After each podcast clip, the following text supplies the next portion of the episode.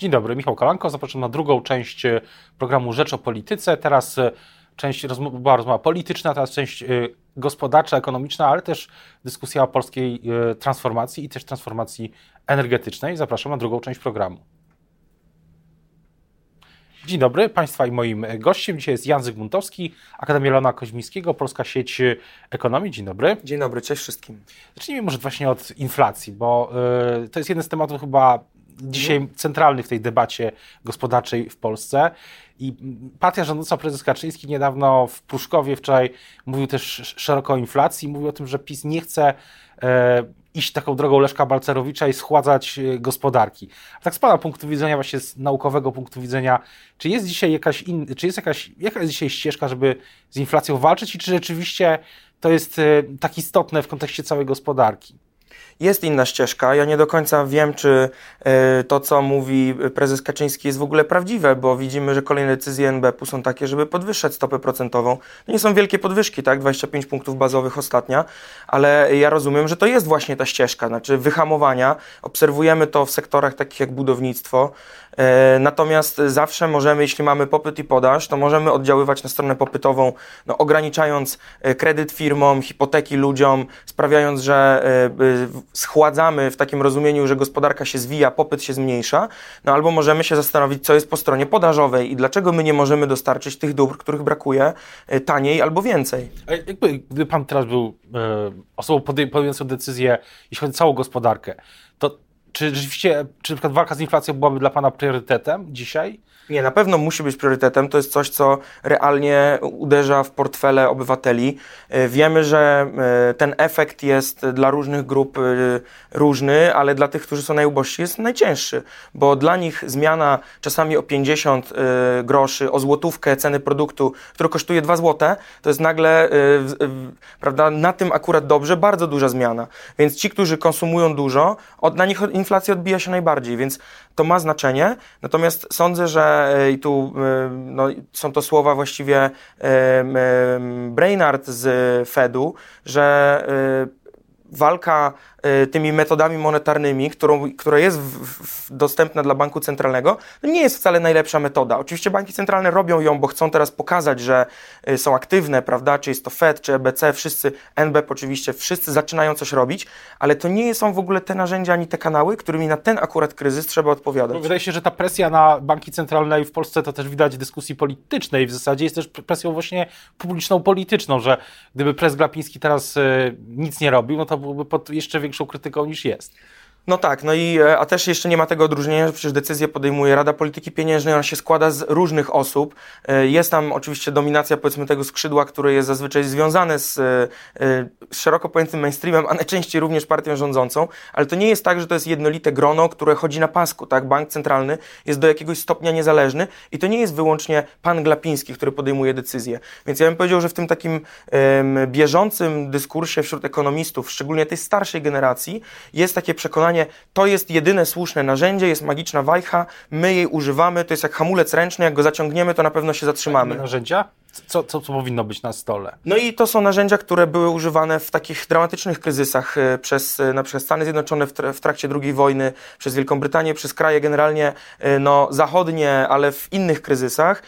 To są często narzędzia takie jak ceny regulowane, jak polityka antymonopolowa, czyli sprawdzenie, które firmy nadużywają pozycji monopolistycznej na rynku. Taka ochrona konsumenta w pewnym sensie. E, bardzo często to są też e, planowane redukcje zużycia jakiegoś rodzaju surowców, czy dóbr, czy usług. No tutaj oczywiście z kanału energii nam to przychodzi i kraje Zachodu też stosują te narzędzia. No i oczywiście opodatkowanie zysków nadzwyczajnych. Więc ta paleta jest dość szeroka i my w nowoczesnej gospodarce mamy możliwość dokonania takiej chirurgicznej, precyzyjnej interwencji. To jest y, ta, to opodatkowanie nadzwyczajnych zysków, to był pomysł, jest pomysł, który gdzieś w tej dyskusji premier Morawiecki to zapowiedział, ale na razie nic nowego, nic tego, z tego nie wyszło. Moim zdaniem wymaga to pewnych umiejętności i woli politycznej, która jest dużo bardziej skomplikowana niż e, uderzanie młotkiem stopy procentowej. I stopa procentowa, ona, my działamy jedną magiczną wajchą, takim centralnym trochę planowaniem banku centralnego, notabene, i ona się rozlewa na gospodarkę w sposoby bardzo różne. E, budownictwo na przykład już to odczuwa, tak? E, ludzie, którzy chcieli wziąć hipoteki też to odczuwają, to jakoś do banków trafia, ale no sprawdzaliśmy niedawno dane, no i na przykład taka IKEA y, dalej ma marże bardzo wysokie. Y, sklepy wielkopowierzchniowe cały czas, no dopiero teraz zaczynają y, gdzieś tam moderować te, te ceny. No i a, a, jeżeli mówimy o zyskach nadzwyczajnych, to my wiemy, które branże to mają, więc te firmy mają od razu możliwość udziału w, w politycznym lobbyingu i moim zdaniem dlatego premier tego nie chce zrobić. Ale z drugiej strony, ko trochę kończąc już ten wątek, gdy pana, spogląda pan na, mhm. na patrzy, patrzy, pan na przyszłość, to widzi pan... E, perspektywę, w której te narzędzia, które stosuje y, rząd i bank centralny, one doprowadzą do zmniejszenia inflacji w przyszłym roku, czy w tak, jakiejkolwiek tak, perspektywie? Moim zdaniem oczekiwanie jest takie, że one zmniejszą inflację w perspektywie jakichś czterech kwartałów, tak, czyli roku. E, jeśli tak, no to wyhamowanie jakichś branż gospodarki, plus budżet zaplanowany na przyszły rok, który realnie zawiera obniżanie pensji pracownikom budżetówki, drugi rok z rzędu, czyli no tak naprawdę właśnie balcerowiczowskie zajechanie e, na pracownikach e, tej gospodarki, tak to zmniejszy inflację. Ale równie dobrze te cztery kwartały, a wcześniej jeszcze e, chociażby 20 rok, 21 tarcze antyinflacyjne, można było wydać na przykład na spółdzielnie energetyczne, pozwolić ludziom robić instalacje, tworzyć takie no, silne, odporne na kryzys wspólnoty i również mielibyśmy mniejszą inflację za te cztery kwartały, ale w zupełnie inny sposób, znaczy poprawiając stronę podażową i to jest coś, o czym trzeba rozmawiać. Się, że tej dyskusji gospodarczo-politycznej wielokrotnie są, padają, zwłaszcza mhm. ostatnie odwołania do przeszłości. E, jednym z tych odwołań jest odwołanie do transformacji. Transformacji do, i też do Leszka e, Balcerowicza. I pytanie, czy, czy uważa pan, że e, na ile, na ile to, to jest to dzisiaj silne odwołanie? Na ile na ile jest, na ile jest w, w tym, co ludzie pamiętają i czują? E, ja nie mogę tego pamiętać ani czuć inaczej niż jako małe dziecko. Jestem rocznik 93, więc e, pierwsze lata życia spędzając w Ostrowcu Świętokrzyskim, no widziałem, co się stało z hutą i widziałem, jak miasto zapadało się w sobie. Więc to jest takie doświadczenie raczej, powiedziałbym, takiej obserwacji, ale niezrozumiałej. Dopiero po latach gdzieś przy studiach ekonomicznych jakiegoś odkrywania o co chodzi. I wydaje mi się, że tego rodzaju trauma jest obecna w Polsce. To znaczy y, traumą była i II wojna światowa, którą przeżywaliśmy długo i traumą jest dzisiaj doświadczenie transformacji. Nieprzypadkowo 30 lat po niej my cały czas o niej rozmawiamy. Dla wielu to jest oczywiście symbol sukcesu, y, no ale ten sukces był okupiony jakimś kosztem, prawda? I ten koszt to jest on nie został przez wszystkich poniesiony równo, a nawet ci, którzy ponieśli go i, i, i poszli do przodu i, i, osiągnęli sukcesy, nawet oni dzisiaj tą traumę trochę sobie zinternalizowali, tak? I to jest powiedzmy profesor Matczak, który mówi, że to jest norma i to jest dobre, że się pracuje 16 godzin dziennie, e, no tylko potem wychodzi z tego syn raper. Tylko, że jest tak, też tak, że to nasze, że pokolenie ludzi, yy, którzy transformacji nie pamiętają jako dorośli, czyli byli dziećmi, ja jestem rocznik 8, 5, pani jest rocznik 9, 9, 3, to też jest tak, że dopiero teraz e, w tym młodsi ludzie e, tworzą, piszą książki, yy, mówią o tej transformacji w inny sposób już. Mhm. No tak, doktor Sawulski, pokolenie 89, no właśnie jest ten moment, kiedy my możemy przeprocesować to i popatrzeć na te dane i porozmawiać o tym w bardziej neutralny sposób. Podobnie jak o okresie Polski Ludowej możemy teraz mówić w taki sposób, gdzie odzieramy to już z takiej plemiennej walki, yy, wy donosiliście, a wy nie, a tu jest jakiś okrągły stół, nomenklatura.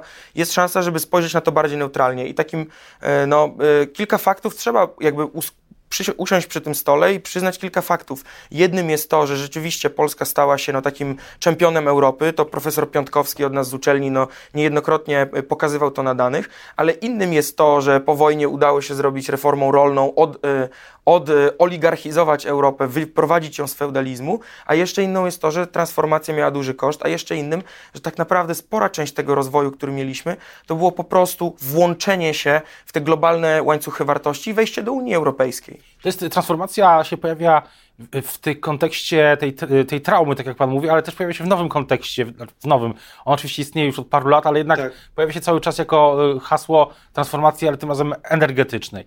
I pytanie, jak Pan e, sądzi, jaki powinien być, czy w ogóle widać jakiś kierunek teraz obecnego rządu, który, czy on potrafi sterować tym procesem tak, żeby no, ta trauma się nie powtórzyła? Czy w ogóle widzi Pan w polityce obecnego rządu albo w pomysłach opozycji może gdzieś pomysł na tą transformację energetyczną? Te pomysły się pojawiają, ale po stronie przynajmniej rządu i tej władzy wykonawczej, no to, to są chaotyczne działania, często mam wrażenie tak wykonywane tak skokowo, że teraz jest jakaś, idzie z mediów jakaś fama, trzeba coś kontrować narracyjnie, więc my ten projekt, że tak to ujmę, popchniemy do przodu. I obawiam się, że jednak jest to bez szerszego planowania, a jeśli coś jest niezaplanowane, to będzie poddane po prostu chaotycznemu, e, takiemu trochę rynkowemu procesowi, tylko to jest rynek globalny, na którym Polska jest e, jakimś graczem no, wcale nie najsilniejszym i dla nas negocjowanie tego dobrze z Unią Europejską jest sposobem na uniknięcie scenariusza, gdy każdy zaczyna gromadzić sobie sam zasoby, yy, walczyć o to na tej arenie globalnej w nieprzewidywalny sposób i to samo się będzie działo lokalnie. To jest ciekawe, bo w, u nas w kręgach naukowych no, rozmawia się coraz szerzej o tak zwanym degrowth, czyli postwzroście.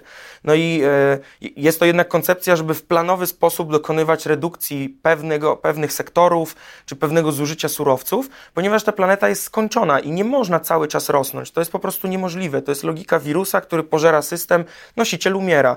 I ten postwzrost, wszyscy myśleli, że to jest jakiś utopijny, daleki plan, może, że to są jakieś takie skomplikowane procesy.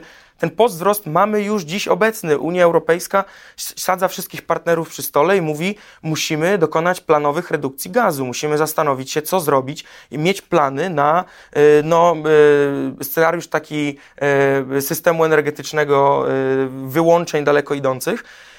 I podobnie jest z tą transformacją. I ludzie, mając tą traumę tamtej transformacji, słusznie patrzą na tą z lękiem, zastanawiając się, no tak, my na tym stracimy. Teraz e, na koniec jeszcze jeden wątek. E, e, teraz lider Agrounii, Michał Kołodziejczak, ogłosił kilka tygodni temu, że pan przygotowuje taki pro program czy plan gospodarczy dla, dla Agrounii. Pytanie, dlaczego się pan na to zdecydował i co w tym programie może być? Tak? Może pan coś już może ujawnić? Na pewno zgodziliśmy się, ponieważ zostaliśmy o to poproszeni. Jest nam bardzo miło, że ktoś dostrzega jakby całą polską ekonomię jako zrzeszenie ekonomistów, którzy mają trochę inne podejście do gospodarki i dostrzegają wątki w jakimś sensie zapomniane, prawda? E, też nasze podejście jest takie, że najważniejsza, żeby właśnie w jakimś sensie skończyć z fetyszem wzrostu, że wzrost sam w sobie jest dobry, ale zapytać, jak on się rozkłada dla różnych grup ludzi, tak, czyli nierówności, albo jak ten wzrost przekłada się na satysfakcję życia, bo ta, to przełożenie nie jest oczywiste, prawda? Jeśli pan redaktor e, zamiast ugotować e, obiad z, z bliskimi, z rodziną, pójdzie do restauracji sam, to z perspektywy wzrostu, no, był to duży zysk, prawda? Usługa przeszła, no ale pewnie z perspektywy perspektywy budowy więzi społecznych nie.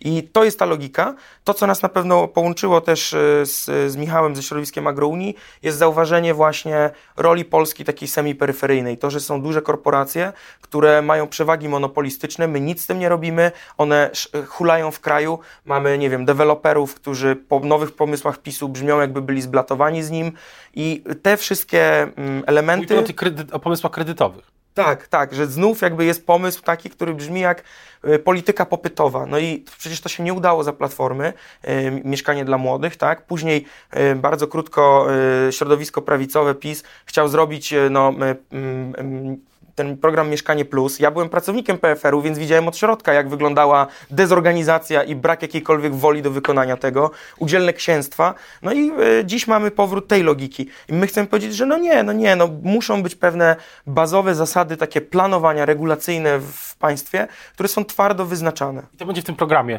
szerokim programie Agro. Jest już jakiś termin jego przedstawienia? To będzie w przyszłym roku, czy jeszcze w tym, jak pan sądzi? Umówiliśmy się, że jeszcze w tym uda nam się przedstawić, powiedzmy, to, co my rekomendujemy jako środowisko ekonomistów. Zobaczymy natomiast, jak na to zareaguje sam ruch, bo nie ukrywam, będzie tam dużo rzeczy, które są potrzebne, ale to nie jest tak, że będą specjalnie wygodne albo mogą być trudne politycznie. Ja nie jestem politykiem, ja chcę pokazać coś, co będzie świetnym planem, żeby było tak, że 30 lat po planie Balcerowicza możemy mówić o kolejnym pomyśle na Polskę. To jest e, no, rzecz, którą będziemy, będziemy uważnie, uważnie uważnie obserwować, tak samo jak wszystkie te procesy, o których mówiliśmy, mówiliśmy wcześniej. Teraz już bardzo dziękuję e, za rozmowę. Dzięki Państwa i moim gościem dzisiaj był Jan Zygmuntowski, e, Akademia Rana Koźmińskiego, Polska Sieć Ekonomiczna. Dziękuję bardzo.